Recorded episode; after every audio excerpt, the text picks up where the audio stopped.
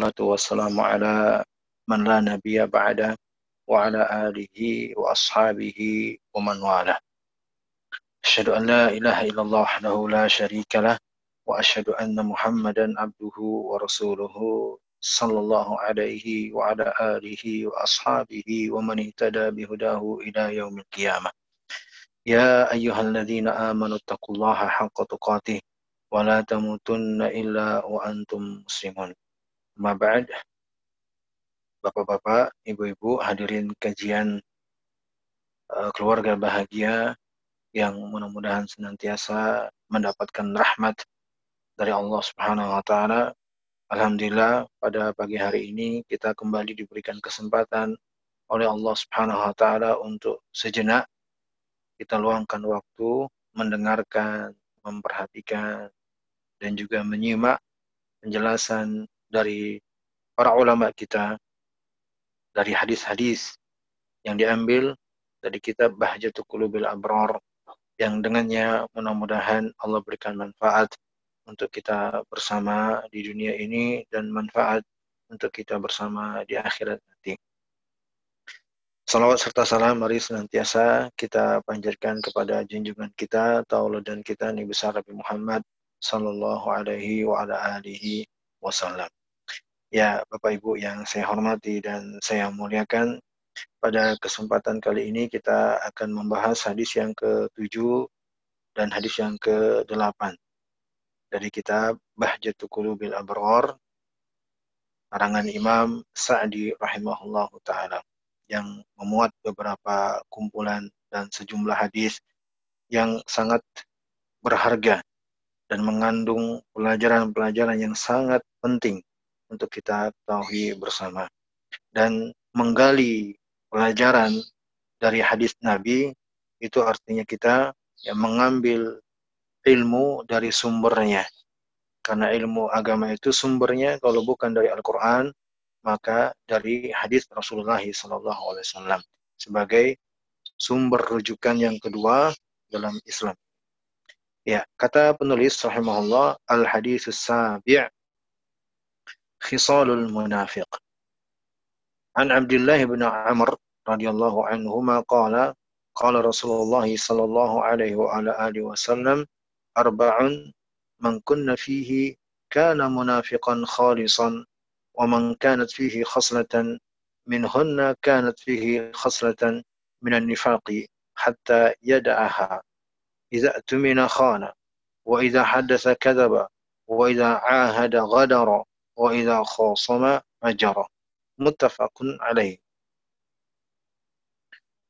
ثم قال رحمه الله الحديث الثامن وسواس الشياطين. وسواس الشيطان. وأدلجها. وأدلاجها. عن أبي هريرة رضي الله عنه قال قال رسول الله صلى الله عليه وسلم يأتي الشيطان أحدكم ويقول من خلق كذا؟ من خلق كذا حتى يقول من خلق الله. فإذا بلغه فليستعذ بالله ولينتهي. وفي لفظ فليقل آمنت بالله ورسوله. متفق عليه. وفي لفظ لا يزال الناس يتساءلون حتى يقولوا من خلق الله.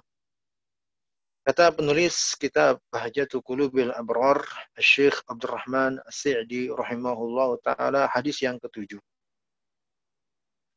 Tentang karakteristik orang-orang munafik.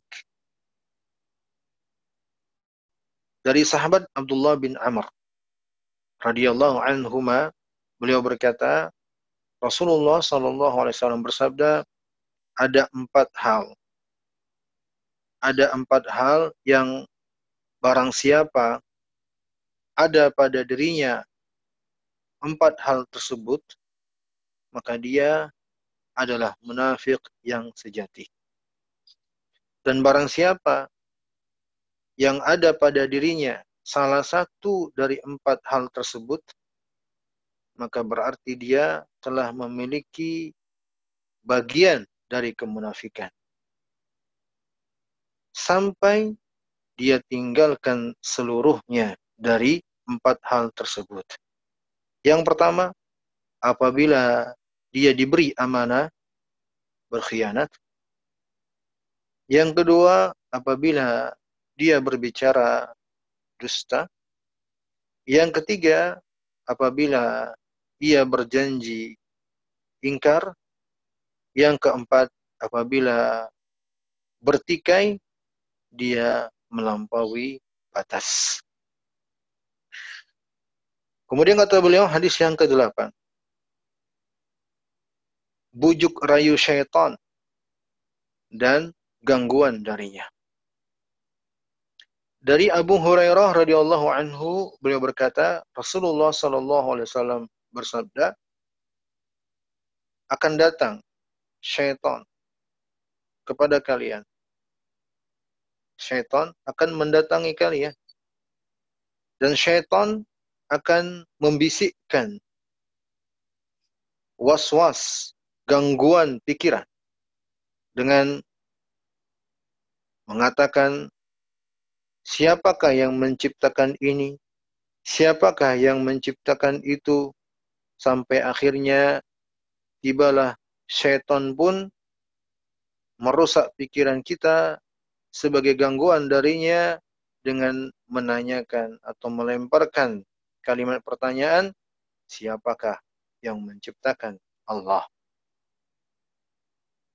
Apabila sampai kepada hal tersebut, hendaklah kalian berlindung kepada Allah dan berhenti jangan dilanjutkan.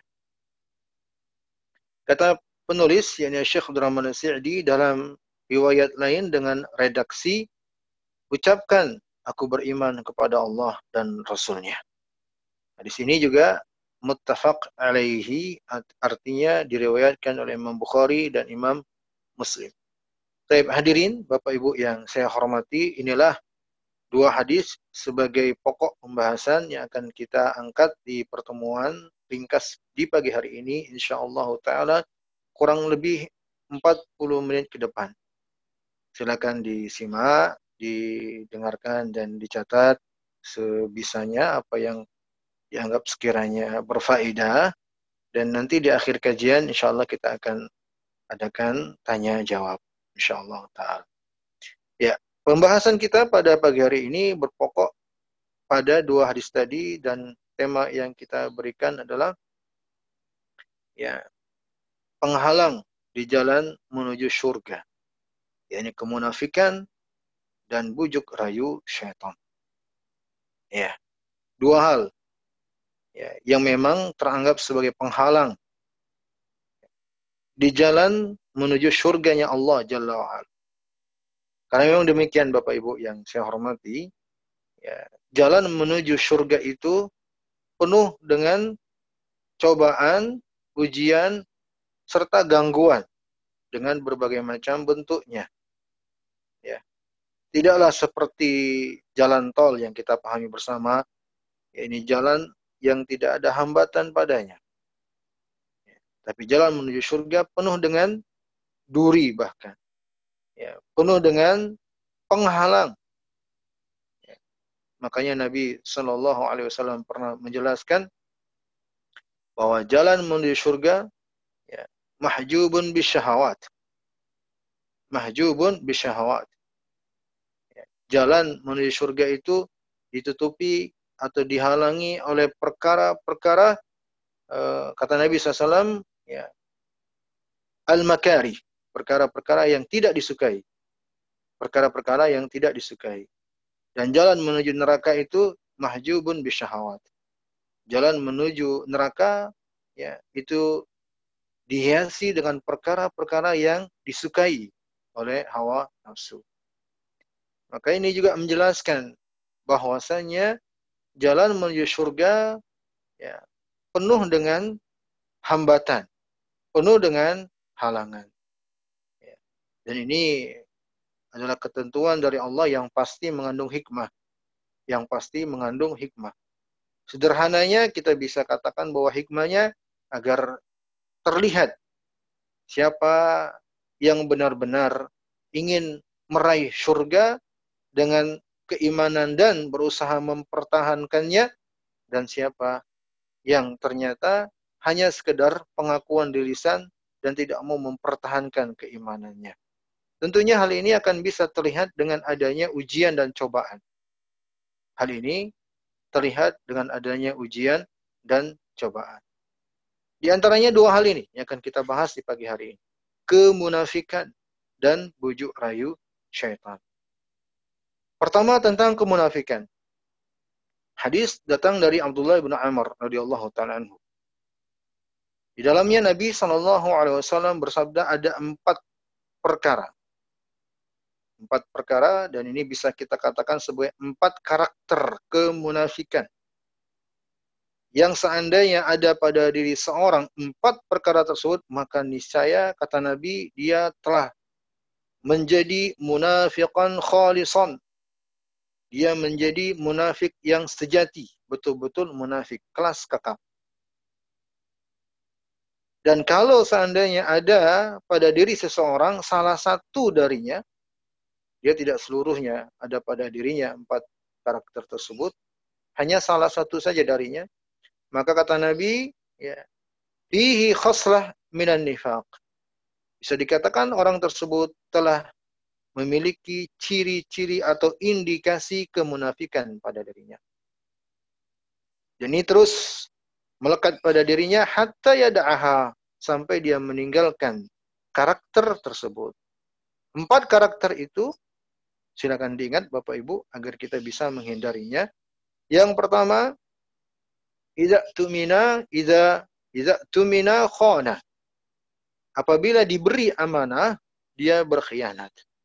Wa idza haddasa kadzaba. Kalau dia berbicara berdusta. Wa idza ahada ghadara. Kalau dia memberi janji, dia ingkari. Kalau dia, dia berjanji, maka dia ingkari janjinya. Wa idza khasama fajara. Dan apabila dia bertikai atau bersengketa dengan orang lain, fajara dia pun melampaui batas. Tapi, tapi uh, hadirin Bapak Ibu yang saya hormati dan saya muliakan. Di sini Nabi Shallallahu Alaihi Wasallam menjelaskan kepada kita tentang ciri kemunafikan. Ciri kemunafikan. Ya, dan uh, kemunafikan adalah salah satu perkara yang sangat tercela dalam agama kita. Sangat tercela dalam agama kita. Dan Allah Subhanahu wa taala berfirman di surat An-Nisa ayat 145 Innal munafiqina fid darkil asfali minan nar. Sesungguhnya orang-orang munafik itu berada di paling dasarnya dalam neraka kelak orang-orang munafik itu akan ditempatkan di neraka yang paling bawah, yang paling dasar. Penyebutan dalam ayat dengan kalimat fil asfali minan nar, fid darkil asfali minan nar, di lapisan paling bawahnya dalam neraka kelak, ini menunjukkan kehinaan yang berlipat-lipat. Ya. Ini menunjukkan kehinaan yang berlipat-lipat. Kehinaan sebagai penghuni neraka. Kehinaan dilemparkan ke dalam neraka. Kehinaan dengan siksaan yang bertubi-tubi. Kehinaan dengan dikatakan di neraka yang paling bawahnya lagi. Yang paling bawahnya lagi. Ya. Maka hadirin yang saya muliakan rahmani wa rahimakumullah. Ya. Ini termasuk penghalang untuk meraih surganya Allah Jalla wa'ala. Kemunafikan. Dan kemunafikan itu dalam pembahasan akidah terbagi menjadi dua. Kemunafikan itu terbagi menjadi dua. Yang pertama, An-nifaqul akbar al-i'tiqadi. An-nifaqul akbar al-i'tiqadi. Yang kedua, An-nifaqul asghar al-amali. Yang pertama kemunafikan besar. Kemunafikan besar dan ini terkait dengan keyakinan. Yang kedua, kemunafikan kecil dan ini terkait dengan amalan. Ini dua jenis kemunafikan. Ya. Sama-sama terancam dengan uh, azab dan siksaan serta azab neraka ya untuk kemunafikan dengan segala jenisnya hanya saja butuh dirincikan dan diklasifikasikan karena memang uh, syariat kita telah membedakan antara kemunafikan ini dan itu. Dan juga berbeda dari sisi konsekuensinya. Kalau yang pertama itu nifakul akbar. Ya, nifakul akbar al-i'tiqadi adalah kemunafikan besar yang terkait dengan keyakinan. Di sini kata Syekh Sa'idi rahimahullah, alladhi yudhiru sahibuhu al-Islam wa yubtinul kufra. Wa hadha naw' mukhrijun minal minad din bil kulliyah wa sahibuhu fid darkil asfali minan nar. Kata Syekh Abdul Rahman As-Sa'di untuk jenis yang pertama kemunafikan besar yang terkait dengan keyakinan yaitu orang yang memperlihatkan secara zahir keislaman, keimanan, ketauhidan, kebaikan kebaikan dari Islam. Akan tapi yubtinul kufra. Dia menyembunyikan kekufuran di dalam hatinya. Menyembunyikan kekufuran di dalam hatinya. Ya, kekufuran dengan berbagai macam bentuknya. Mungkin bentuknya dengan membenci syariat Islam. Mungkin bentuknya menuduh dengan tuduhan yang buruk terhadap Islam mungkin bentuknya menyalahkan Islam dengan ajaran-ajaran dan cabang-cabang dari Islam tersebut. Yang jelas, dia menyembunyikan keyakinan yang buruk terhadap Islam ini. Atau bahkan menyembunyikan keyakinan di dalam hatinya adanya sesuatu yang sebanding atau semisal dengan Allah Subhanahu wa taala. Namun dia zahirnya, penampakannya ya Islami. Bajunya baju Islami, penampilannya penampilan Islami.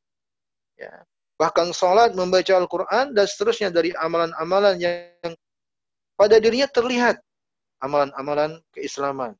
Akan tapi di dalam hatinya menyembunyikan kekufuran. Menyembunyikan kekufuran. Dalam hatinya dia meyakini ada ya benda-benda yang memberi manfaat selain Allah. Benda-benda yang bisa menolak mara bahaya selain Allah. Tidak pernah dia ucapkan, dia tidak pernah mengatakan dan mengungkap isi hatinya. Ya. Ini nifak al-akbar. Terkait dengan keyakinan. Ya, yang seperti ini kata penulis bisa menyebabkan pelakunya dianggap keluar dari agama. Keislamannya tidak diterima. Islamannya tidak diterima dan dia kelak di akhirat terancam dengan ya, neraka kekal di dalamnya selama-lamanya wal billah. Oleh karena, karena itulah Allah Subhanahu wa taala telah mensifati kaum munafikin dengan kategori atau jenis yang pertama ini berbagai macam sifat. Minal kufur dengan kekufuran, wa adamil iman, tidak beriman, wal istihza biddin wa ahli, memperolok atau mengejek agama dan orang-orang yang memeluk agama ini ya memperolok agama. Ya. Wal mail bil kulliya ila a'da'id din atau dengan ya condong hatinya lebih menyukai ya hatinya terhadap orang-orang yang justru memusuhi agama ya, dan seterusnya. Ya. Hadirin yang saya muliakan rahmani wa rahimakumullah. Untuk jenis yang pertama ini di sini penulis mengatakan wahum mawjuduna fi kulli zaman wala siyama fi hadha zaman alladhi taghat fihi al-madiyah wal wa ilhad wal ibahiyah. Untuk jenis yang pertama ini ya wujudnya mereka ada. Mereka ada di setiap generasi, mereka ada di setiap zaman dan tempat. Ya, dan apalagi di zaman kita. Ya. Mereka-mereka yang ya, telah memusuhi, menyimpang ya dari agama dan jalan yang lurus ini. Ya. Kemunafikan akbar al-i'tiqadi. Yang kedua hadirin yang saya muliakan jenisnya adalah an-nifaqul asghar al-amali. Kemunafikan kecil yang terkait dengan amalan. Ya, disebut dengan an-nifaqul asghar ya, kemunafikan yang kecil bukanlah artinya kecil sebagai sebuah ukuran sehingga dianggap sepele dan remeh, tidak disebut dengan kecil hanya karena ingin membedakan dengan yang sebelumnya yaitu an-nifaqul akbar. Karena beda dari sisi konsekuensi nantinya. Ya. Sama seperti syirik akbar dan syirik asgor. Ya, bukan artinya syirik asgor yang artinya syirik kecil ya dipahami sebagai sebuah perbuatan yang layak untuk disepelekan, dipandang sebelah mata karena disebut dengan syirik kecil. Tidak. Kecil di sini bukanlah ya ukuran. Bukanlah menjelaskan sebuah ukuran. Tapi untuk membedakan atau lawan dari kata akbar. Ya, syirik akbar, syirik asgar. Nifak akbar, nifak asgar. Kalau nifak asgar, ya, adalah kemunafikan yang terkait dengan amal perbuatan. Bukan keyakinan. Ini semua perbuatan dosa yang dilakukan oleh seorang hamba ya, dalam keadaan hatinya tetap menjaga keimanannya kepada Allah. Dengan tetap menjaga hatinya beriman kepada Allah Subhanahu wa taala. Inilah yang membedakan dengan yang pertama tadi. Ya. Dan untuk nifak asgor ini, nifak asgor, kemunafikan yang kecil, terkait dengan amal perbuatan. Jadi dia tidak terkait dengan hati. Ya, terkait dengan amal perbuatan. Ya. Dan inilah yang diinginkan oleh Nabi Sallallahu Alaihi Wasallam dalam hadis yang telah kita baca tadi. Dalam hadis yang kita baca tadi. Empat karakter kemunafikan. Ya. Dan ini adalah yang diinginkan dengannya adalah nifak asgor. Ya, kemunafikan yang kecil yang terkait dengan amalan. Amal perbuatan. Yang pertama, jika diberi amanah, dia berkhianat. Yang kedua, jika dia berbicara, berdusta. Jika dia berjanji, mengingkari, dia bertikai, melebihi batas. Baik hadirin yang saya muliakan rahimani wa rahimakumullah.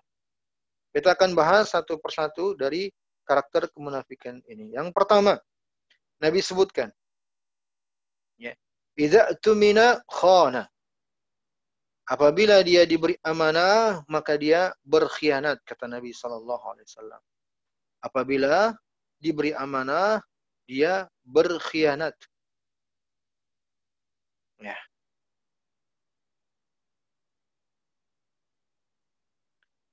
Dan kata para ulama,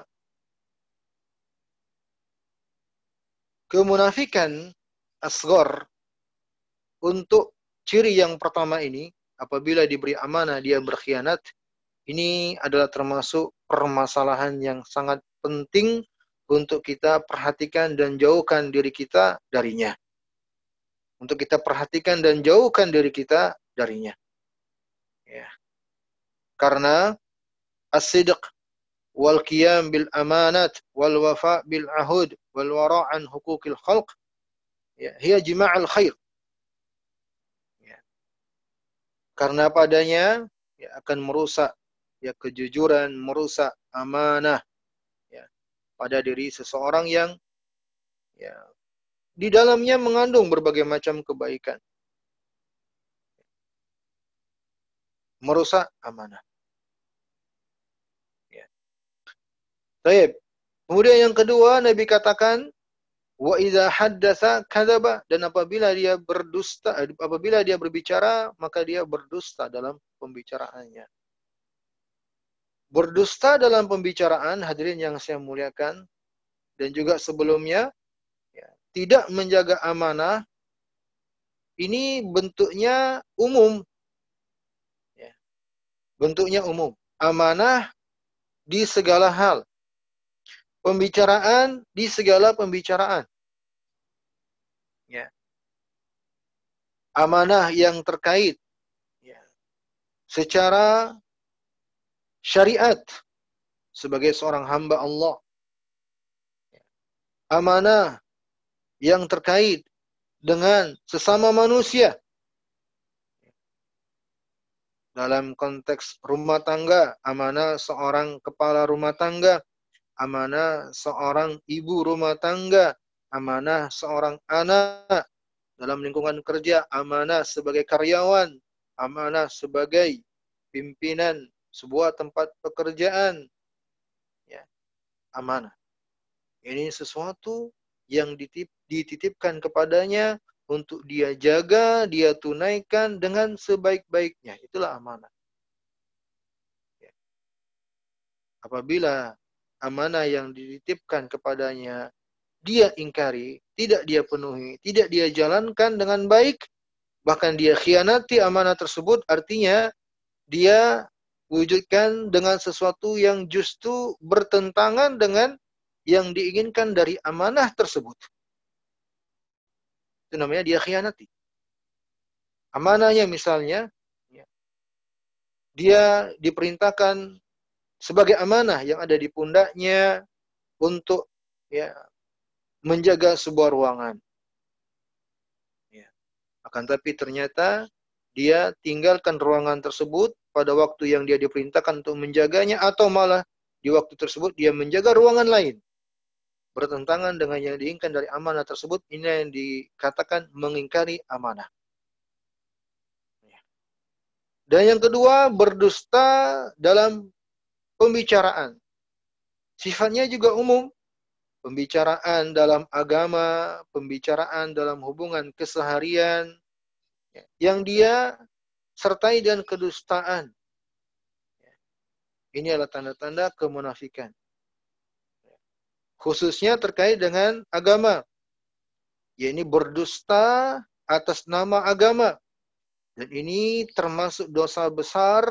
Bahkan Imam Ibn Qayyim rahimahullahu ta'ala menjelaskan teranggap dosa yang lebih besar dari syirik. Bisa sampai derajatnya lebih besar dari syirik. Kenapa? Karena memang kesyirikan itu awal mulanya muncul karena berbicara dengan dusta yang disandarkan kepada Allah Subhanahu wa taala. Seperti dengan mengatakan Isa itu putranya Allah. Dusta atas nama Allah. Ya. Ini halal, ini haram. Ya. Halal dan haram itu haknya Allah Jalla wa'ala. Kalau dia berdusta dengannya, ini dosanya adalah dosa yang sangat besar. Makanya Allah Jalla wa'ala berfirman dalam Al-Quran, وَلَا تَصِفُوا بِأَلْسِنَتِكُمْ hada halalun wa hada haramun litaftaru 'ala Allahil kadhib. Ya. Janganlah kalian berucap dengan lisan kalian menghukum ini halal, ini haram, ini boleh, tidak boleh. Ini sunnah, ini bid'ah. Ucapan-ucapan yang dia sandarkan kepada agama ini. Litaftaru 'ala Allahil kadhib. Ya. Yang dengannya kalian berdusta atas nama Allah Jalla wa'ala.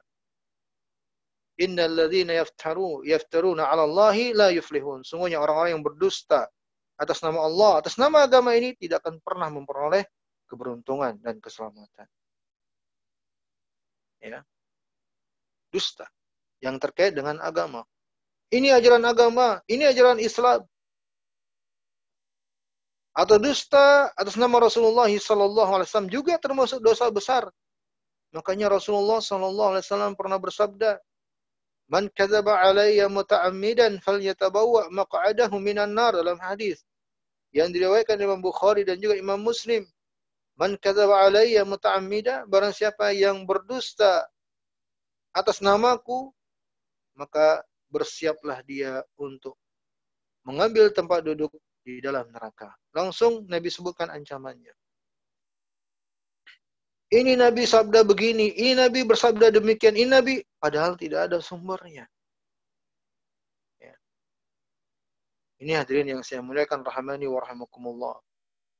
Dan Nabi SAW peringatkan kita, Al-kadhib alayya laysa kal-kadhib alaikum. Dusta atas namaku itu tidak sama seperti dusta ya atas nama sesama kalian dusta atas nama Nabi Shallallahu Alaihi Wasallam ini lebih besar ya dosanya ya, dan ya, hukumannya. Maka ini kedustaan yang mengaitkan dengan agama atau dusta dalam keseharian, dalam pembicaraan keseharian. Ya. Membicarakan sesuatu ya, yukhbiru bihi minal waqa'i al-kulliyah wal juz'iyah ini mengabarkan sesuatu yang tidak sesuai dengan kenyataan. Seluruhnya atau sebagian dari sebuah peristiwa. Pamangkan hadza sya'nu faqad syarikul munafikin. Kalau ada yang seperti ini keadaannya, berbicara dalam konteks keseharian, ya, dalam sebuah pembahasan, dalam sebuah tema topik pembicaraan, ya, sebagian atau seluruhnya, maka sungguh kata penulis faqad syarikul munafikin. Dia termasuk kaum munafik, orang-orang munafik. Oleh karena itulah Rasulullah Sallallahu Alaihi Wasallam bersabda, "Iyyakum wal kadhib, fa innal kadhib yad'u ila al fujur wa innal fujur yad'u ila an nar wa la yazalu ar-rajulu yakdhibu wa yataharra al kadhib hatta yuktaba indallahi kadzdzaba." Jauhilah bohong, jauhilah dusta. Karena perbuatan kebohongan itu, kedustaan itu akan mengantarkan kepada dos kepada dosa dan dosa itu akan mengantarkan kepada neraka. Dan kalau ada seseorang yang selalu bergampang-gampangan berdusta ya, sehingga nanti kalau Allah Jalla wa'ala akan mencap dia menulis bahwa dia adalah seorang pendusta waliyadzubillah ya maka ini hadirin yang saya muliakan rahmani wa rahimakumullah. Ya. Tanda atau karakter munafik yang kedua yakni berdusta apabila dia bicara.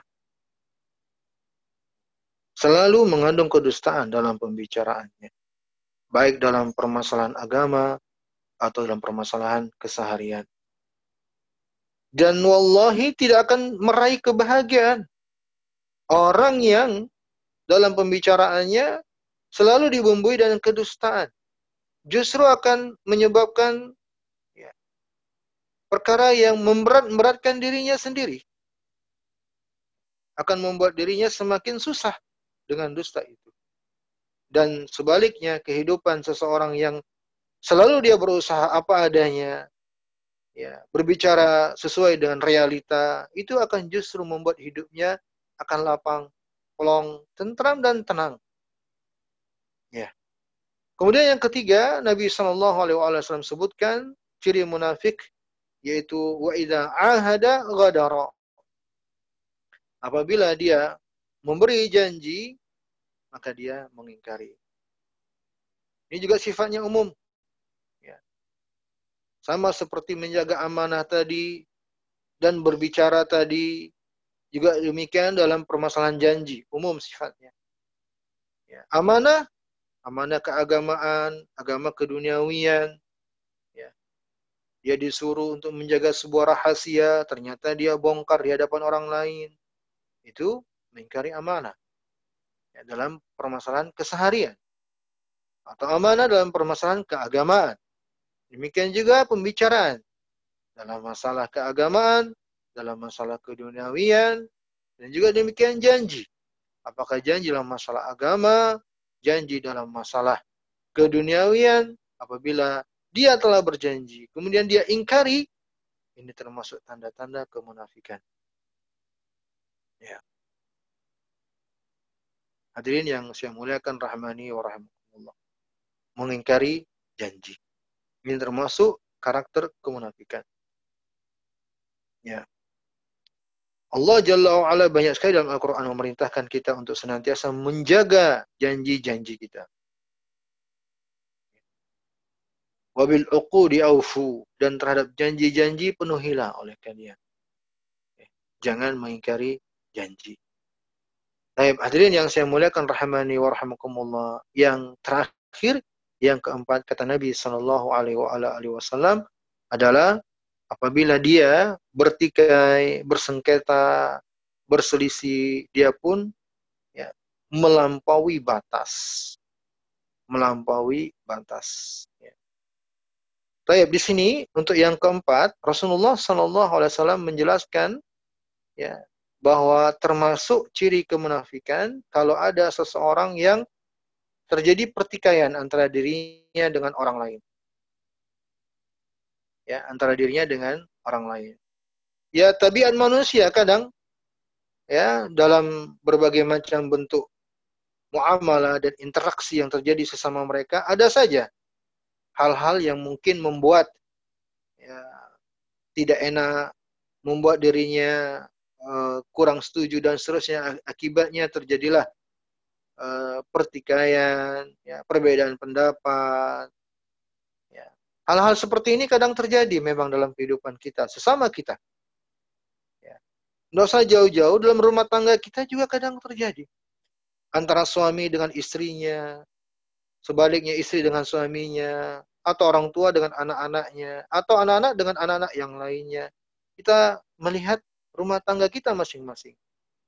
Perbedaan pendapat, ya, perdebatan bahkan pertikaian, ya itu kadang terjadi dan demikianlah manusia. Hanya saja mungkin yang membedakan adalah intensitas dan kualitasnya aja. Membedakan satu orang dengan orang lain. Tapi persengketaan, ya, perseteruan, diskusi dan perdebatan itu pasti akan terjadi. Nah, Nabi sebutkan kalau terjadi hal tersebut, lalu ada di antara yang bertikai tersebut membalas dengan perkara yang melampaui batas, maka itu adalah ciri kemunafikan wal billah. Hadirin yang saya muliakan rahmani wa rahimakumullah, perbuatan buruk dari orang lain terhadap diri kita pada asalnya itu sah-sah saja membalasnya. Tidak masalah. Apabila memang sewajarnya dan memang masih sesuai dengan kadarnya, porsinya. Allah berfirman dalam Al-Quran, wa jazaa'u sayyi'atin sayyi'atum misluha. Ya, dan balasan perbuatan buruk itu dengan perbuatan buruk yang semisal dengannya, yang setimpal. Tidak mengapa Allah sebutkan. Wal jazaa'u sayyi'atin sayyi'atum misluha. Namun Allah sebutkan setelah itu wa man afa wa aslaha fa ajruhu ilallah. Akan tapi barang siapa yang memberi maaf ya dan melampangkan dadanya tentu itu jauh lebih baik. Artinya kalau memang ada yang ingin memberikan balasan dari perbuatan buruk orang lain terhadap dirinya, silakan selagi memang masih sebanding, semisal dengan perbuatan buruk yang dia dapatkan. Tapi kalau dia balas dengan perbuatan yang melampaui batas, maka ini adalah kemunafikan. Tidak boleh. Suami mungkin mendapatkan perlakuan yang kurang baik dari istrinya, Nasihati kalau seandainya ingin dia memberikan pelajaran silakan, tapi jangan melampaui batas.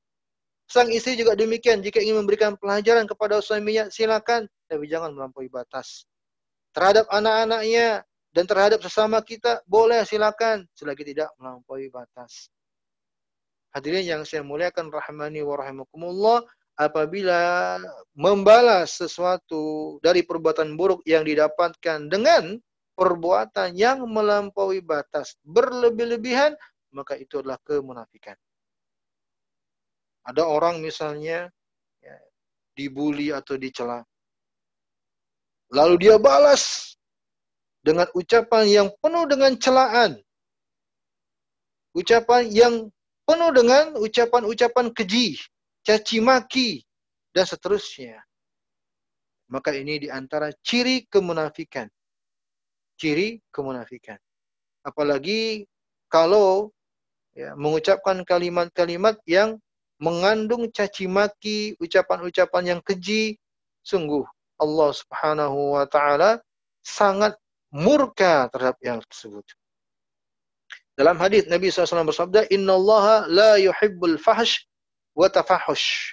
Sungguh Allah tidak mencintai perbuatan atau ucapan keji dan saling mengumpat atau saling mengucapkan cacian. Dan juga dalam hadis Nabi sebutkan ya sesungguhnya Allah Jalla wa'ala melaknat ya la'an orang yang suka mencaci maki orang yang suka melaknat maka hadirin yang saya muliakan rahmani wa rahmakumullah, ya ini termasuk ciri kemunafikan. Apalagi ternyata kadang kita dapatkan ya perbuatan-perbuatan seperti itu dari orang-orang yang menyandalkan dirinya kepada Islam dan kaum muslimin. Sungguh sangat tidak layak. Ya.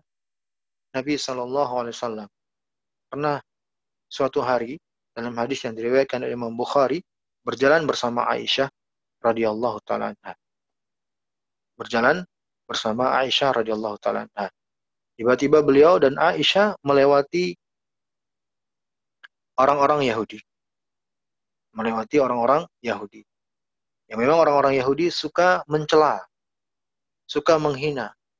Ya, maka mereka pun menghina Rasulullah sallallahu alaihi wasallam dengan memberikan salam tapi kalimatnya mereka ubah dengan kalimat yang ya sangat menyakitkan hati apabila didengar. Apa kata mereka? Assalamu alayka ya Rasul, Assalamu alayka ya Muhammad.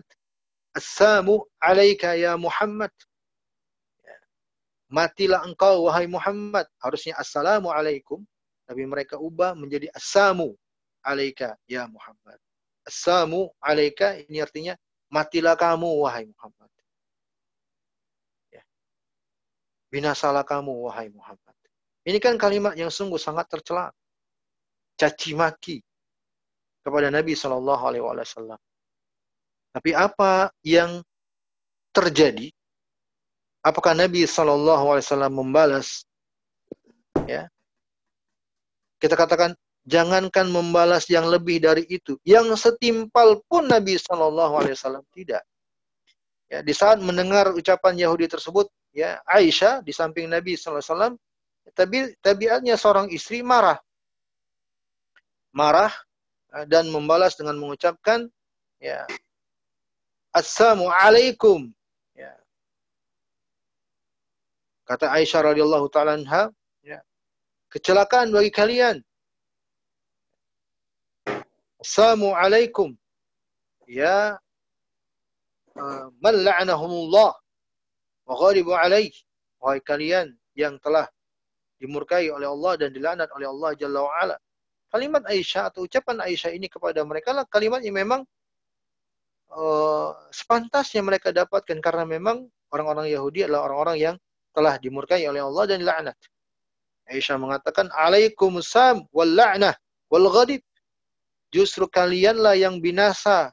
Bagi kalianlah laknat dan kemurkaan Allah mendengar Aisyah berkata demikian, maka Rasulullah SAW mengatakan, mahlan, mahlan ya Aisyah. Tenang, tenang wahai Aisyah.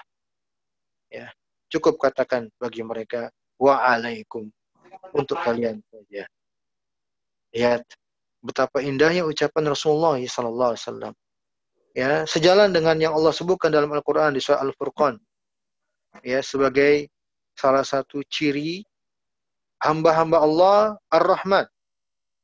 Allah Jalla wa Ala berfirman, "Wa ibadur rahman alladhina yamshuna 'alal ardi hauna wa idza khatabahumul jahiluna qalu salama."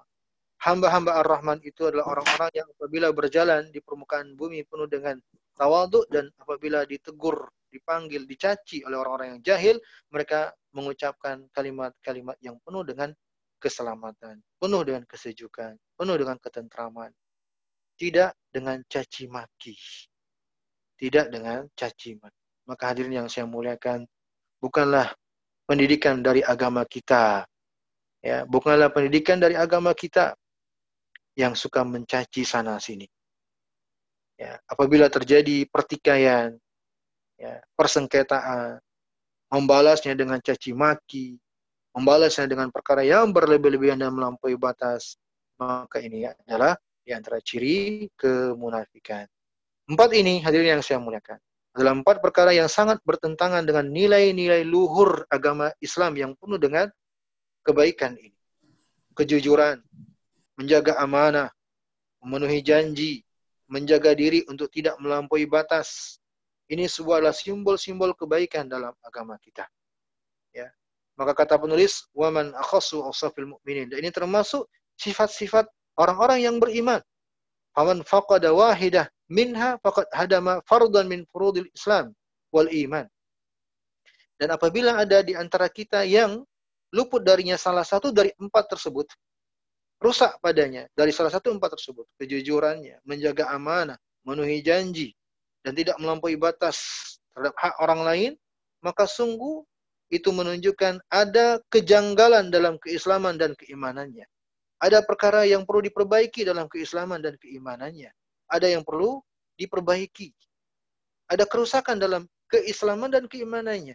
Fakaifa bijami'iha. Lalu bagaimana kalau seandainya ada pada diri seseorang semua empat tersebut? Ya, maka hadirin yang saya muliakan, ini ya adalah jalan penghalang menuju surganya Allah Jalla wa'ala. Kemudian pada hadis yang kedua, ini termasuk jalan uh, termasuk penghalang di tengah jalan menuju surga Allah Jalla wa'ala yang selalu ada. Pasti selalu ada selama kita menghirup udara di dalam kehidupan dunia ini. Yakni bujuk rayu syaitan. Godaan syaitan hari ini yang saya mulaikan rahimani wa rahimakumullah. Karena syaitan itu Nabi pernah terangkan inna syaitana yajri fi bani Adam majrad dam. Sungguhnya syaitan itu ya, mengalir di tubuh manusia ya, di aliran darah. Artinya selagi kita hidup di dunia akan selalu digoda oleh syaitan. Tidak akan pernah henti. Tidak akan pernah henti. Bahkan para ulama pernah mengatakan seandainya syaitan itu tidur, maka tentu kita akan bisa hidup dengan tenang dan tentram. Tapi sungguh syaitan itu tidak pernah tidur untuk merusak dan membinasakan kita. Hadirin yang saya muliakan rahmani wa rahimakumullah. Ya, maka hendaknya perlu kita perhatikan hal ini. Ya, bujuk rayu syaitan kepada kita dengan berbagai macam bentuknya, bisikan-bisikan syaitan dengan berbagai berbagai macam ya, bisik rayunya.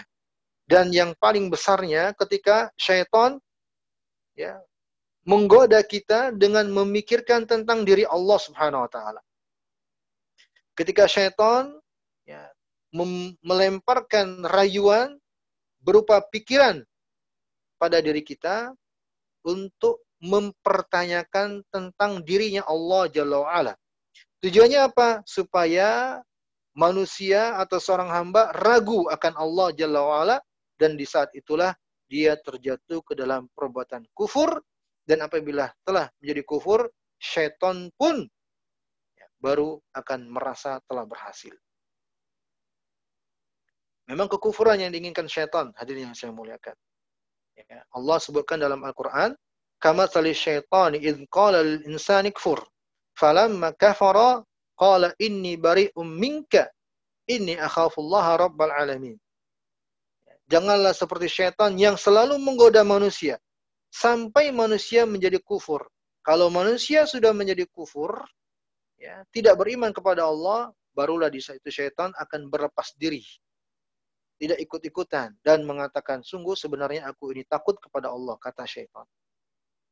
Ya. Makanya jangan heran kalau kita melihat ya kadang keburukan lebih nampak di tengah kaum muslimin dan kebaikan lebih terlihat pada orang-orang non-muslim. Kok bisa? Karena pada orang-orang non-muslim yang tidak beriman kepada Allah Subhanahu wa taala sama sekali sudah bisa dikatakan minimal ya, godaan syaitan pada mereka. Tidak sebanyak ya, pada kaum muslimin. Tidak sebanyak pada kaum muslimin. Karena mereka sudah tidak beriman kepada Allah Jalla wa'ala yang seandainya mereka berbuat baik dengan kebaikan apa pun, tidak ada gunanya. syaitan tidak akan menghalangi mereka untuk berbuat kebaikan karena mereka sudah tidak beriman kepada Allah dan tidak ada manfaatnya untuk mereka kelak pada hari kiamat. Adapun kaum muslimin sering kita dapatkan ya keburukan lebih banyak terjadi pada mereka. Kenapa? Karena memang syaitan godaannya lebih besar pada mereka. Sebab mereka beriman kepada Allah. Sebab mereka beriman kepada Allah Jalla wa'ala. Nah inilah yang diinginkan syaitan. Agar manusia menjadi kufur. Salah satunya yang penulis sebutkan dalam hadis yang kedelapan yaitu dengan bentuk pemikiran. Memikirkan, membayangkan tentang dirinya Allah Subhanahu wa taala. Ya. Dan tahapannya kita perhatikan hadisnya luar biasa ya. Syaitan itu menggoda dengan selangkah demi selangkah. Lihat. Kata Nabi SAW, syaitan akan datang kepada kalian. Lalu mengajak kalian berpikir, siapakah yang menciptakan ini? Kok bisa ini tercipta? Siapa yang mencipta itu? Kok bisa itu tercipta? Sampai terus tahap demi tahap, akhirnya syaitan pun memberikan sebuah pembahasan dengan mempertanyakan, kalau begitu siapakah yang menciptakan sang pencipta itu sendiri? Hadirin yang saya muliakan rahmani wa rahimakumullah. Ini menunjukkan bahwa syaitan itu memang bertahap. Bertahap untuk menjatuhkan kita. Bertahap untuk menjauhkan kita dari jalannya surga. Dikit demi sedikit. Tidak langsung serta-merta. Dan memang kita dapatkan demikian. Orang-orang yang meninggalkan agama ini itu tidak langsung serta-merta. Mesti ada proses tahapannya. Ya. Tahapan demi tahapan. Maka hadirin yang saya muliakan rahmani wa rahimakumullah, ya, tidak ada seorang pun di antara kita yang menjamin dengan pasti bahwa dirinya termasuk yang dijaga oleh Allah dari syaitan. Tidak. Mau sehebat apa pun keimanan kita, kita semua diperhadapkan dengan ujian ini. Ya, menghadapi musuhnya Allah Subhanahu wa taala. Nah, di dalam hadis Nabi SAW memberikan tips bagaimana apabila terjadi hal seperti itu, maka kata Nabi wasallam, "Faida balaghahu" kalau sudah seperti itu, fal yasta'id billah wal yantahi. Berhenti dan mintalah perlindungan kepada Allah. Dalam redaksi lain, Nabi tambahkan dengan lafaz fal yaqul amantu billahi wa rasuli dan ucapkanlah aku beriman kepada Allah dan rasul-rasulnya. Selesai. Langsung palingkan pikiran tersebut langsung jauhkan, berpalinglah kepada pikiran yang lain. Cukup. Hadirin yang saya muliakan rahmani wa rahimakumullah, ini tips dari Nabi Shallallahu alaihi wasallam. Ya. Ada tiga. Yang pertama berhenti, jangan diteruskan. Yang kedua ta'awud dengan membaca auzubillahi minasyaitonirrajim, auzubillahi minasyaitonirrajim, auzubillahi minasyaitonirrajim. Kemudian perkokoh keimanan, permantap keimanan. Tiga. Aku beriman kepada Allah dan para rasulnya. Baik, ini hadirin yang saya muliakan, bujuk rayu syaitan yang paling besarnya. Ini tatkala seseorang ya dirayu olehnya untuk memikirkan tentang dirinya Allah Subhanahu wa taala. Dan mustahil ya. Mustahil kita bisa memikirkan tentang dirinya Allah Jalla wa'ala pada hakikatnya. Itu tidak akan mungkin. Kenapa tidak mungkin? Karena para ulama menjelaskan pertama Allah Subhanahu wa taala tidaklah membebankan kita untuk memikirkan tentang dirinya. Ya. La yus'alu amma yaf'alu wa hum yus'alun. Allah itu tidak ditanya tentang dirinya, tapi merekalah manusia yang akan ditanya tentang diri mereka. Yang kedua, hadirin yang saya muliakan, karena Allah Subhanahu wa taala adalah sang pencipta alam semesta yang berada di kekekalan. Ya, berada di kekekalan. Kalau kita memikirkan tentang dirinya Allah Jalla wa'ala, maka itu mengandung makna celaan. Sebab ya membawa Allah Jalla wa'ala kepada alam kefanaan, kenistaan, ketiadaan. Maka tidak pantas memikirkan hakikat tentang dirinya Allah Jalla wa'ala. Cukup bagi kita dengan ya, mengenal Allah mempelajari ayat-ayatnya, sifat-sifatnya, nama-namanya, janji-janjinya, ya, perintah dan larangannya. Udah selesai sampai di situ. Ya, dan tidak perlu memikirkan bagaimana hakikatnya Allah Jalla wa'ala. Apalagi yang ketiga kata para ulama, karena kita diberikan akal yang sangat terbatas. Diberikan oleh Allah Jalla wa'ala akal untuk mem, akal untuk memikirkan sesuatu itu dan akal kita sangatlah terbatas. Akal kita sangatlah terbatas. Kata para ulama, ya, wa muhalatul muhal minal batil wasufah. Ya, dan memikirkan sesuatu yang ya, mustahil untuk dipikirkan itulah sebuah kebatilan dan kebodohan. Ya. Maka ini adalah perkara-perkara termasuk ya, godaan di tengah jalan menuju surganya Allah Jalla wa'ala. Dan ini adalah godaan yang terbesarnya. Dan bukan berarti sama sekali hanya sebatas di sini. Godaan syaitan itu sangat banyak. Cukup ini menjadi tips bagi kita. Ketika ada terasa ini godaan syaitan, berhenti. Jangan diteruskan. Kemudian ya, mohon perlindungan kepada Allah dengan membaca auzubillahi minasyaitonirrajim. Auzubillahi minasyaitonirrajim. Kemudian ya, permantap iman kepada Allah dan kepada Rasulnya Sallallahu Alaihi Wasallam. Ya, dengan tiga langkah ini, mudah-mudahan Allah Jalla wa'ala memberikan perlindungan kepada kita dari bujuk rayu syaitan di tengah jalan kita menuju surganya Allah Subhanahu wa taala. Demikian apa yang bisa saya sampaikan di kesempatan pagi hari ini. Semoga Allah memberikan manfaat darinya untuk kita bersama dan semoga Allah senantiasa memberikan hidayah, taufik, petunjuknya dan istiqomah kepada kita semuanya sampai maut menjemput. Innahu waliyu wal qadiru alaih. Mohon maaf atas segala kesalahan dan kekurangan. Selanjutnya saya serahkan kepada uh, host kajian kita. Silakan.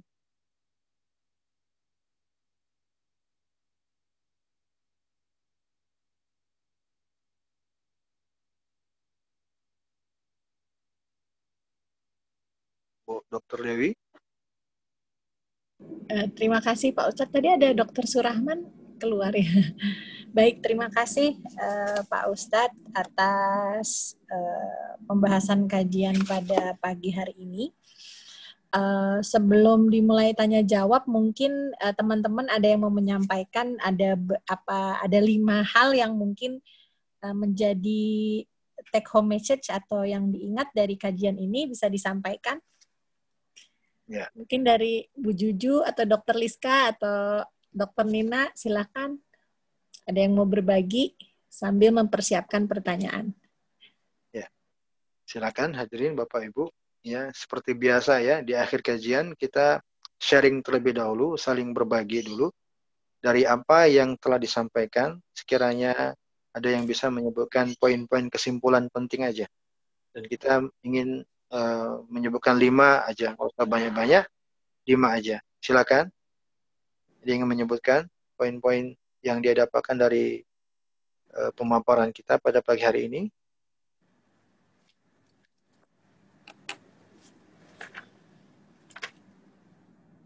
Ya, silakan. Bu Nesta. Ya, uh, maaf karena saya tadi terlambat.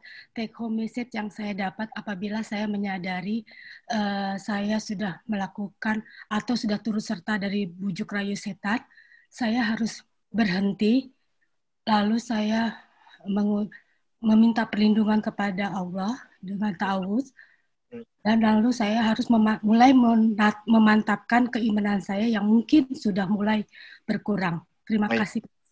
Ya, Masya Allah, Barakallah Fik. Luar biasa. Luar biasa.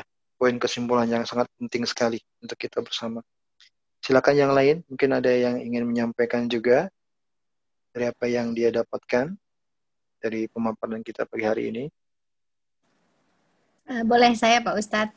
Ya, silakan. Bahwa kita sebagai hamba Allah harus menyadari bahwa akal manusia sangat terbatas. Jadi kita bertugas mengenal Allah, mematuhi perintahnya, menjauhi larangannya, dan tidak perlu memikirkan bagaimana hakikat Allah. Ya, Masya Allah, Barakallah Fik. Ini juga sangat penting ya, sangat penting. Ya, sangat penting untuk kita ketahui bersama kesimpulan yang sangat penting. Karena apabila masuk kepada pembahasan itu, akan berpotensi untuk kufur kepada Allah Jalla wa'ala. Akan berpotensi untuk kufur kepada Allah Jalla wa'ala. Kenapa? Karena akal itu sangat terbatas dan ya kadang sifatnya itu suka membandingkan satu dengan yang lain. Ya. Dan tidak mungkin Allah Jalla wa'ala diperbandingkan, dipermisalkan, atau diserupakan dengan selainnya dari apa pun. Ya, Masya Allah. Jazakillah khairan kepada Bu Dokter Dewi. Silakan selanjutnya. Ada lagi untuk uh, berbagi bersama yang lain. Bu Dokter Elsa, silakan. Baik, Ustadz. Uh, tadi yang termasuk salah satu poin yang kita bisa uh, apa namanya kita selalu ingat adalah bahwa syaitan itu selalu uh, ada cara untuk uh, untuk bisa melupakan kerja kepada syariat-syariat. Uh, intinya uh, setan itu mempunyai tahapan-tahapan dalam menggoda manusia. Untuk itu kita harus selalu waspada karena tahapannya itu mulai dari yang ringan dari yang ringan sampai yang berat. Yeah. Untuk memalingkan kita dari Allah. Untuk itu kita harus selalu waspada, ingat dan selalu berlindung kepada Allah uh, apa namanya? dalam hari-hari kita uh, bekerja dan beraktivitas. Yeah. Jadi ketika kita merasakan ada keraguan, ada syubhat, kita selalu berlindung kepada Allah. Ya, Masya Allah. Barakallah. Ya, Masya Allah. Ahsanti. Barakallah fiqh. Jazakillah khairan Bu Dr. Elsa. Ini juga poin yang sangat penting ya. Kita harus selalu uh, menyadari dan harus selalu menjaga diri kita. Bahwa kita selalu ya, dibayang-bayangi oleh bujuk rayu syaitan. Dan bujuk rayu syaitan itu dengan bertahap. Ya, bertahap langkah demi langkah. Kalau bukan karena taufik dan perlindungan dari Allah, maka kita semua termasuk yang mereka telah binasa dengan bujuk rayu syaitan. Waliyadzubillah. Ya, semoga Allah senantiasa menjaga kita semuanya. Jazakallah khairan Bu Dr. Elsa, silakan yang lain. Sudah tiga, Masya Allah. Bu Nina, Assalamualaikum ya. warahmatullahi silakan. Bu Nina. Maaf ya Pak Ustaz sambil lari-lari. Masya Allah. Mudah-mudahan ya, sehat terus ya Bu Nina. Ya, amin. Amin ya Rabbal Alamin. Pak Ustadz tadi dikatakan bahwa kemunafikan itu terbagi dua. Yang askor yang di sudah disebutkan di dalam hadis Rasulullah bahwa kemunafikan yang ditandai dengan kalau dia diberi amanat, dia akan khianat, apabila dia bicara, dia akan berdusta, Terus satu lagi apabila apa ya? Berjanji. Ada ada empat ya Pak Ustadz ya tadi itu disebutkan. Oh, Kalau dia berjanji dia akan uh, tidak menepatinya. Nah, yang saya tahu tiga itu. Nah yang paling bahaya itu sebenarnya menafikan yang uh, sebenarnya mendekatkan diri kita kepada kesyirikan di mana kita menyembunyikan uh, kemunafikan di dalam batin kita, di dalam hati kita bahwa kita mengingkari akan ketauhidan kepada ya. Allah. Ya. jadi uh, ada juga yang menyatakan bahwa ulama tertentu bahwa kemunafikan dalam sisi akidah ini justru lebih berbahaya, lebih tinggi daripada uh, syir apa uh, ria ya tadi dikatakan. Saja, Ya, Waalaikumsalam warahmatullahi Sehat-sehat terus ya Bu Nina, lahir dan batin mudah-mudahan. Amin, amin ya amin. Tetap dan tetap protokol kesehatan. Ya, ya, masya Allah kesimpulan yang luar biasa juga dari Bu Nina ya tentang uh, poin-poin yang menjadi karakter orang-orang munafik. Empat hal ya yang kita ambil dari pertemuan pada pagi hari ini. Ya, apabila dia diberi amanah, dia mengkhianati amanahnya, kalau dia berbicara, dia berdosa dalam pembicaraannya. Kalau dia berjanji, dia mengingkari janjinya. Dan yang keempat, kalau dia bertikai dengan orang lain, dia membalas dengan melebihi batas, berlebih-lebihan. Ya, Jazakillah khairan, sudah empat, Masya Allah, tinggal satu lagi. Silakan siapa yang ingin memberikan pelajaran untuk kita bersama, manfaat dan faidah. Pak Surahman mungkin, biasanya Pak Surahman. Pak Surahman. Ya, mohon maaf tadi Ustadz, saya juga jalan-jalan terus nih. Olahraga juga? ya begitulah, tapi ada acara juga tadi. Maaf, jadi mungkin ada atau apa sudah dibahas atau belum, tapi mungkin uh, salah satu yang tadi diuraikan bahwa setan itu membawa ke kufuran kesyirikan itu secara bertahap-tahap. Mulai dari mempertanyakan tentang jati diri Allah Subhanahu wa taala ya kemudian berlanjut lanjut kemudian sampai ke arah eh, apa siapa yang menciptakan eh, pencipta tersebut nanti hati-hati nah cara mengatasinya adalah dengan seperti yang disampaikan oleh Rasulullah Pertama, tentu saja kita stop pemikiran tersebut. Kedua, kita ta'awud, minta perlindungan Allah Subhanahu wa taala untuk dijauhkan dari syaitan tersebut. Ya. Dan yang ketiga, meningkatkan keimanan kita kepada Allah dan Rasulullah. Ya, Masya Allah. Ya, Masya Allah. Luar biasa. Alhamdulillah, jazakillah khairan Pak Surahman. Ya, lengkap sudah lima poin. Pak Surahman, mudah-mudahan sehat terus ya olahraga. Amin, amin. Terima kasih Ustaz. Ya, sehat lahir dan batin. Ya, sehat lahir dan batin. Ya, jazakillah khairan dan jazakumullah khairan. Jazakumullah khairan kepada seluruh partisipasi dan uh, atas kesimpulan-kesimpulan yang telah disebutkan. Ya, mudah-mudahan kita bisa mengambil manfaat dari apa yang telah disampaikan oleh Bapak Ibu tadi ya. Silakan untuk selanjutnya ke sesi tanya jawab Bu, Bu Dewi, Bu Dokter Dewi.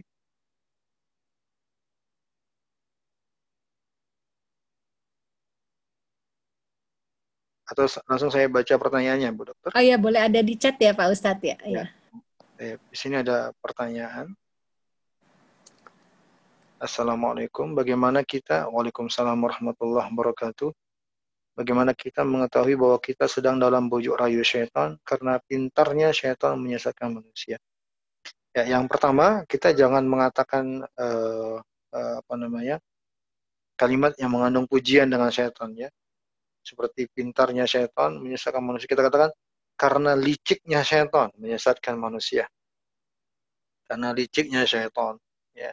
Walaupun memang kadang kata pintar juga mengandung makna celaan ya pada perkara yang buruk misalnya. Ya, bagaimana kita uh, mengidentifikasi bahwa kita ini sebenarnya sedang dalam pujuk rayu syaitan? Maka jawabnya adalah ukur dengan syariat. Ukur dengan syariat. Ya, kalau kita berada di kondisi yang itu bertentangan dengan syariat, ya maka itu berarti dalam perkara yang bertentangan dengan syariat. Ya, ber, bisa berupa bujuk rayu syaitan atau bisa berupa ya syubhat-syubhat dari orang. Karena para ulama menjelaskan ya bujuk rayu syaitan itu ada dua bentuknya. Ya, bujuk rayu syaitan yang langsung dari dirinya kepada kita yang dia menghampiri langsung kepada manusia atau syaitan lemparkan kepada manusia. Ya, menjadi bala tentaranya melalui lisan-lisan manusia. Ya, yang mengucapkan kalimat-kalimat yang bertentangan dengan syariat atau yang mengajak kepada perbuatan-perbuatan yang bertentangan dengan agama. Makanya syaitan itu kan ada dua, sebagaimana yang telah kita jelaskan di pertemuan-pertemuan sebelumnya. Ya. Syayatin al-ins wal jin. Ada syaitan dari kalangan manusia dan syaitan dari kalangan uh, jin. Ya, syaitan kalangan jin yang kita tidak lihat. Ya, syaitan kalangan manusia ini yang kita lihat. Jadi bujuk rayu yang datang kepada kita, apakah bentuknya sebuah ucapan, apakah bentuknya sebuah aktivitas, apa pun itu, ukur dengan syariat. Ini benar nggak sih dalam agama kita? Kalau ternyata inilah perkara yang tidak sesuai dengan ajaran agama kita, maka kita katakan ini adalah bujuk rayu syaitan bujuk rayu syaitan. Ya, mungkin bisa jadi kalau memastikan ini syaitan dari kalangan jin atau dari kalangan manusia, ya tinggal dilihat kembali. Kalau tidak ada orang yang mengajak kepada hal tersebut, berarti ini syaitan yang selalu ada di sekitar kita. Waliyadzubillah. Kita berlindung kepada Allah dari mereka. Dan kalau ternyata ini datang dari seseorang, ya maka kita katakan ini syaitan dari kalangan manusia. Ya, jadi uh, identifikasinya seperti itu. Ya, kita nilai aja, kita hukumi aja ini uh, sesuai dengan agama atau tidak. Ya, makanya Imam Ibn Qayyim mengatakan tidak ada suatu kebaikan pun dalam agama ini. Dalam agama ini. Ya, sekecil apa pun kebaikan tersebut, melainkan syaitan telah bersiap-siap, sangat bersemangat. ya Dan kesemangatannya luar biasa, ambisinya sangat luar biasa untuk menjauhkan manusia dari kebaikan tersebut. Jadi kebaikan agama yang diukur dengan agama. Wallahu taala alam bisawab.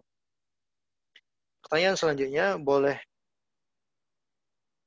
Bolehnya dalam syariat kita membalas kezaliman dengan yang sama dan tidak melampaui batas. Bagaimana halnya kezaliman itu semisal riba? Mohon penjelasannya Ustadz.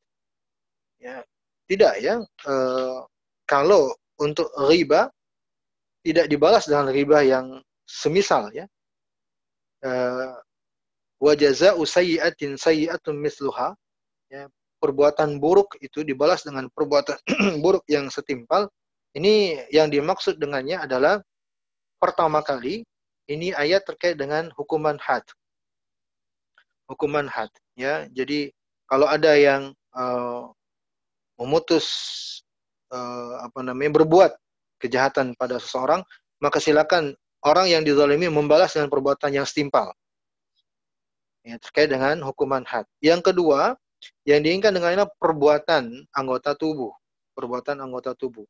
Ya, misalnya kita dipukul dengan tangan kanan, pukul juga dengan tangan kanan. Dan yang semisal seperti itu. Adapun perbuatan dosa riba, perbuatan dosa riba, ini kan sebenarnya perbuatan yang tidak terlihat oleh orang yang bersangkutan. Makanya disebut dengan riba. Ya, maka tetap dia dianggap sebuah perbuatan dosa dan tetap terlarang. Ya, karena dia tidak di hadapan orang tersebut. Artinya bukan uh, konsep pembalasan yang diinginkan oleh syariat tadi. Kalau konsep pembalasan yang diinginkan dan diizinkan oleh syariat itu pada langsung yang bersangkutan, ya dua-duanya berhadapan langsung. Adapun riba kan kan tidak, tidak dikatakan riba kecuali di, di apa tidak di hadapan orang oleh orang yang diribai. Jadi untuk riba kalau digibahi justru mestinya bentuk membalasnya adalah dengan berbuat baik padanya. Kalau Imam Al-Hasan Al-Basri dan selain beliau dari kalangan para ulama salaf itu, kalau ada yang mengribai mereka dan disampaikan kepada murid-muridnya, wahai Imam, si fulan telah mengribaimu. Apa yang dia lakukan? Tidak membalas ribanya, malah justru mengajak murid-muridnya, ayo kita hampiri dia dengan membawa hadiah. Ya, kemudian diberikan hadiah kepada orang yang berbuat, telah berbuat ghibah padanya dengan mengatakan jazakallah khairan, syukran. Terima kasih engkau telah memberikan kebaikanmu kepadaku. Karena memang sejatinya orang yang berbuat ghibah itu ya adalah orang-orang yang telah memberikan kebaikannya kepada orang yang dia ghibahi kelak pada hari kiamat. Makanya para ulama juga mengatakan seandainya ghibah itu memang halal, maka berbuat riba kepada orang tuamu itu yang lebih utama. Maksudnya apa? Karena riba itu sejatinya adalah memberikan kebaikan orang yang riba kepada yang digibai pada hari kiamat nanti. Dan kita kan tentunya sangat menghormati dan menginginkan kebaikan untuk orang tua kita. Ya. Gibai aja orang tua kita kalau memang ya kita rela melakukannya, tapi kan tentu tidak. Ya. Hanya saja dari sisi makna riba itu bahwa Eh, sejatinya perbuatan ghibah itu memberikan kebaikan kepada orang yang digibai. Maka balasannya dilakukan oleh para ulama, dia datangi, dia berikan hadiah. Syukron, syukron. Thanks gitu ya. Engkau telah memberikan kebaikanmu kepada diriku. Ya. Dan itu yang diancam oleh Nabi Alaihissalam. Tidaklah seseorang yang ketika di hidup hidupnya di dunia mencela ini mencela itu melainkan hukumannya yang Allah akan timpakan padanya pada hari kiamat waliyadzubillah adalah dia berikan kebaikannya kepada orang yang dia ribai, yang telah dia cela, yang telah dia zalimi. Sampai akhir kebaikannya seandainya sudah habis, maka selanjutnya kalau memang ternyata masih tercatat ada ribanya, ada celahannya kepada orang lain, maka hukumannya terus berlanjut, tidak berhenti. Dengan bentuk dosa orang-orang yang dia ribai akan dia tanggung. Waliyahzubillah. Ya. Wallahu a'lam. Wa. Pertanyaan selanjutnya di sini terkait dengan pertanyaan Dr. Elsa. Dikatakan kita boleh mendoakan keburukan kepada orang yang telah membolimi kita sehingga menyebabkan pertikaian. Bagaimana hal uh, hal supaya tidak menjadi berlebihan? Oke, dengan tidak ya, jangan mendoakan kejelekan kepada orang lain. Ya, mendoakan orang lain dengan uh, apa namanya orang walaupun orang tersebut berbuat zalim kepada kita ini termasuk yang melampaui batas. Ingat ya, pembolehan syariat tadi memberikan balasan yang setimpal itu bukan bermakna uh, seenaknya aja kita pahami, enggak. Ada batasan-batasannya. Ya. Yang paling dasarnya adalah tetap di hadapan hakim, tetap di hadapan uh, yang memutuskan perkara, qadhi dalam syariat. Ya, karena kan mesti dibatasi, jangan sampai ukurannya diserahkan kepada masing-masing pihak kan beda nanti tentunya. Ya, misalnya nih si A memukul si B. A orangnya kecil. Ya, dengan pukulan sebelah tangan kanan, pukul. Pukulan orang kecil kan uh, beda. Seandainya si B orangnya ternyata orang besar. Diberikan kebolehan, silakan B membalas pukulan si A. Ya pukulan si B orangnya besar tentu beda kan. Ini sudah tidak tidak teranggap sama. Maka uh, pembatasan yang sama itu juga harus diawasi. Ada koridor-koridornya. Ya, dan dikatakan mendoakan keburukan untuk orang yang berbuat zalim ini sudah melampaui batas. Ini sudah tidak tidak tidak hanya uh, sudah bukan dianggap sama lagi, sudah melewati batas. Jadi tidak boleh mendoakan keburukan kepada orang yang telah menggolimi kita. Jangan. Doakan aja kebaikan. Itu tidak merugikan kita. Ya, kecuali kalau memang orang yang berbuat zalim terhadap agama ini ya dan sifatnya secara umum jadi bukan kepada individu. Ya, tapi dia berbuat zalim kepada agama terhadap kaum muslimin. Ini yang dilakukan oleh Nabi alaihi salatu wasallam. Tapi kepada individu ya bukankah lebih baik seandainya kita doakan kebaikan semoga Allah memberikan hidayah padanya dan semisal itu. Allah a'lam. Assalamualaikum Waalaikumsalam. Bu Dr. Dewi di sini bertanya, apa yang mesti kita lakukan jika kita melihat seseorang yang kita kenal sepertinya munafik? Nasihati. Yang paling pertama nasihati. Ya, inilah di antara wujud kita mencintai ya, seseorang tersebut seperti kita mencintai diri kita sendiri. Nasihat. Mudah-mudahan bermanfaat nasihat tersebut untuknya. Ya. Memang e, secara umum, hadirin yang saya muliakan, seseorang yang melakukan kesalahan itu terbagi menjadi dua. Ada orang yang melakukan kesalahan dan dia termasuk orang yang memang sudah dikenal dengan kesalahan dan keburukan itu. Ya, yaitu orang yang melakukan sebuah keburukan terang-terangan, tidak terlihat dari dirinya penyesalan terhadap perbuatannya, dan bahkan justru dia mengajak orang lain terhadap perbuatan buruk itu. Untuk jenis yang pertama ini, tidak ada pilihan bagi kita kecuali menjauhinya jangan dekat-dekat. Sebab kita akan terpengaruh dengannya. Dan inilah yang Nabi SAW sebutkan dalam hadis, ya seperti orang yang pandai besi. Nabi permisalkan seperti pandai besi. Ya, tukang besi itu yang membuat parang, golok dari besi yang dipanaskan di api kemudian dipukul-pukul. Ini ilustrasi dari Nabi SAW. Adalah orang yang sangat uh, erat hubungannya dengan api, baranya, asapnya. Kita kalau dekat dengan mereka, orang-orang pandai besi yang seperti ini, ya dalam radius berapa meter, enggak enggak enggak bersentuhan langsung, ya dalam radius berapa meter udah terpengaruh efek buruknya. Kita terkena asapnya, kita mungkin terkena percikan apinya dan seterusnya. Maka seperti itu teman yang buruk, kata Nabi SAW. Tidak ada pilihan bagi kalian kecuali jauhi, itu maksudnya. Dengan permisalan seperti itu bagi orang yang kategorinya yang pertama ini. Jadi orang melakukan e, perbuatan buruk ya dan dia tidak menyesalinya bahkan terang-terangan tidak pernah merasa malu dengannya. Yang kedua ada orang yang melakukan keburukan dan dia ya tidak mau ketahuan sama orang lain. Dia berusaha menutupi kesalahannya. Dan terlihat dari dirinya dia tidak berbangga dengannya. Dia malu dia berusaha untuk memperbaiki dirinya, tapi kadang ya terlihat kesalahan lagi. Yang seperti ini jangan pernah tinggalkan, tapi nasihati. Makanya disebutkan, ya, inna akhaka mira'un, ya akhi. Mira'un, ya, mira'ulak. Sungguhnya saudaramu itu cerminan dirimu. Ya, dan Nabi juga bersabda, la yu'minu ahadukum hatta yuhibba li akhihi ma yuhibbu li nafsi. Tidaklah sempurna iman kalian sampai mencintai saudaranya seperti perkara yang kalian cintai untuk diri kalian. Kalau kita mencintai diri kita, menerima kebaikan, beri kebaikan itu kepada saudara kita. Jangan ditinggalkan, nasihati, beri kebaikan padanya, dan seterusnya. Rangkul tangannya, bantu dia untuk meninggalkan keburukan. Meninggalkan pada dirinya tanda-tanda kemunafikan, dan seterusnya. Jadi, uh, perlu ditinjau kembali, lebih jauh, tentang orang yang berbuat tersebut, yang padanya terlihat tanda-tanda kemunafikan. Ya, apa memang ini sudah menjadi ciri khas dirinya? Kalau memang sudah selalu dikenal dengan pada dirinya ada ciri-ciri kemunafikan, jauhi, tinggalkan. Ya. Kita lebih khawatir diri kita, jangan sampai terpengaruh. Ya, tapi kalau seandainya masih berpotensi untuk diberi nasihat, nasihati, dekati, jangan ditinggalkan, rangkul tangannya. Ya, dan jadilah hamba-hamba Allah yang bermanfaat bagi yang lain. Jadilah hamba-hamba Allah yang Allah memberi hidayah melalui dirinya untuk orang lain. Ya. Nabi SAW bersabda, khairukum anfa'ukum linnas. Sebaik-baik kalian adalah yang bermanfaat bagi manusia, bagi orang banyak. Baik.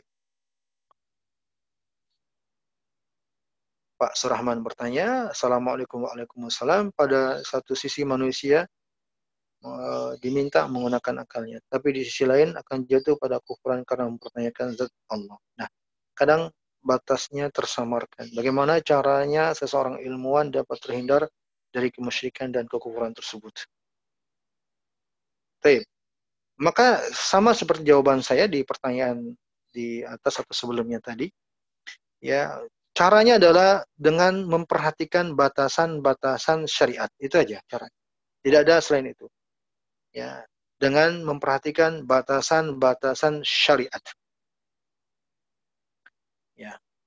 Ilmuwan ya, atau orang yang telah diberikan anugerah oleh Allah memiliki kecerdasan, ya, kemampuan lebih dari rata-rata manusia dalam IQ-nya, kecerdasannya. Ini adalah hamba-hamba Allah yang pada dirinya terdapat tanda-tanda kebesaran Allah Jalla wa'ala sehingga dia bisa menimpulkan, menyimpulkan dan memberikan uh, penemuan-penemuan yang bermanfaat bagi orang banyak.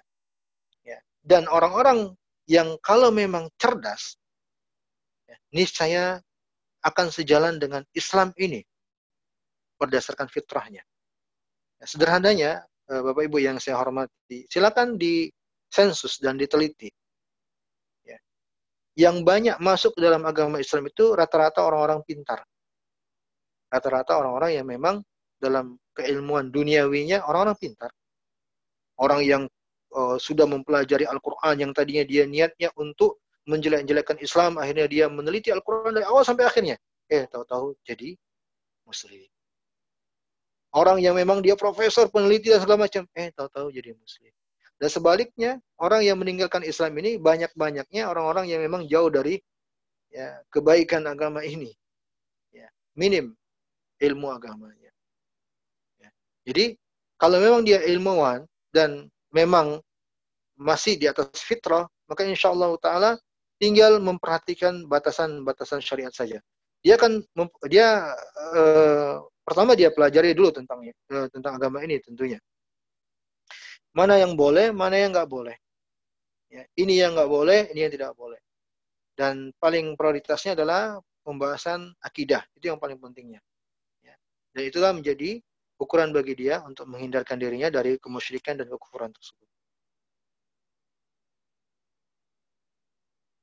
Bu Dewi melanjutkan pertanyaannya, misalnya kalau ada seseorang yang berpenampilan muslim atau muslimah tapi seperti berpihak kepada memuji orang-orang kafir, boleh nggak mencela di WAG atau diam aja?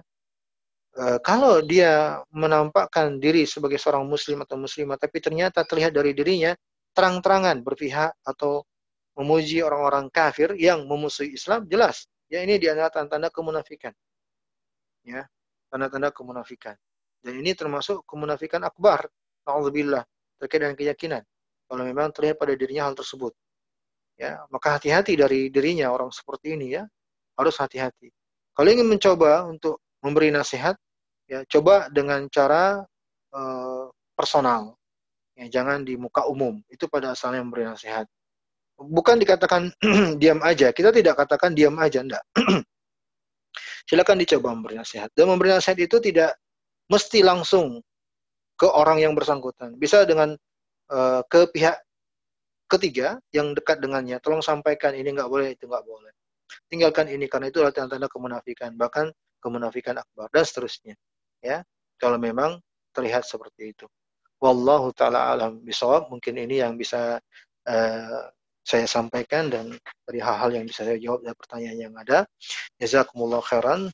Cukup dari saya, Bu Dr. Dewi dan Bapak Ibu yang saya muliakan semuanya.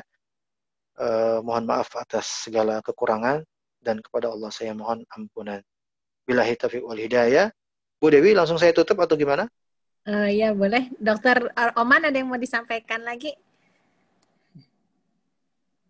Enggak ya? Oh ya boleh Pak Ustadz silakan.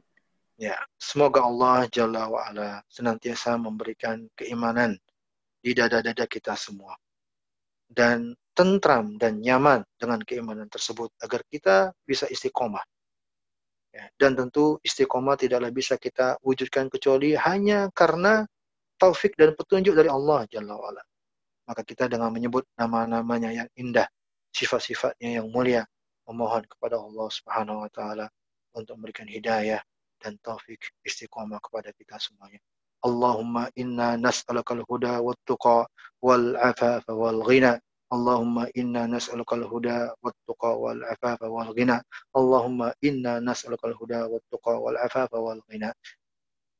Wa dan kita juga mohon kepada Allah dengan meminta kepadanya agar senantiasa diberikan petunjuk menuju jalan yang lurus. Allahumma rzuqna haqqa haqqan warzuqna tiba'ahu wa arina batila batilan warzuqna tinabahu. Ya. Semoga Allah memperlihatkan kepada kita kebenaran dan menganugerahkan kita untuk bisa mengikuti kebenaran dan semoga Allah memperlihatkan kita kebatilan dan memberikan anugerah kita agar bisa menjauhi kebatilan tersebut. Innahu waliyudzalika wal qadru alaih. Wassalamualaikum warahmatullahi wabarakatuh. Saya langsung pamit ya Bu Dokter ya. Waalaikumsalam warahmatullahi wabarakatuh. Iya, terima kasih Pak Ustadz.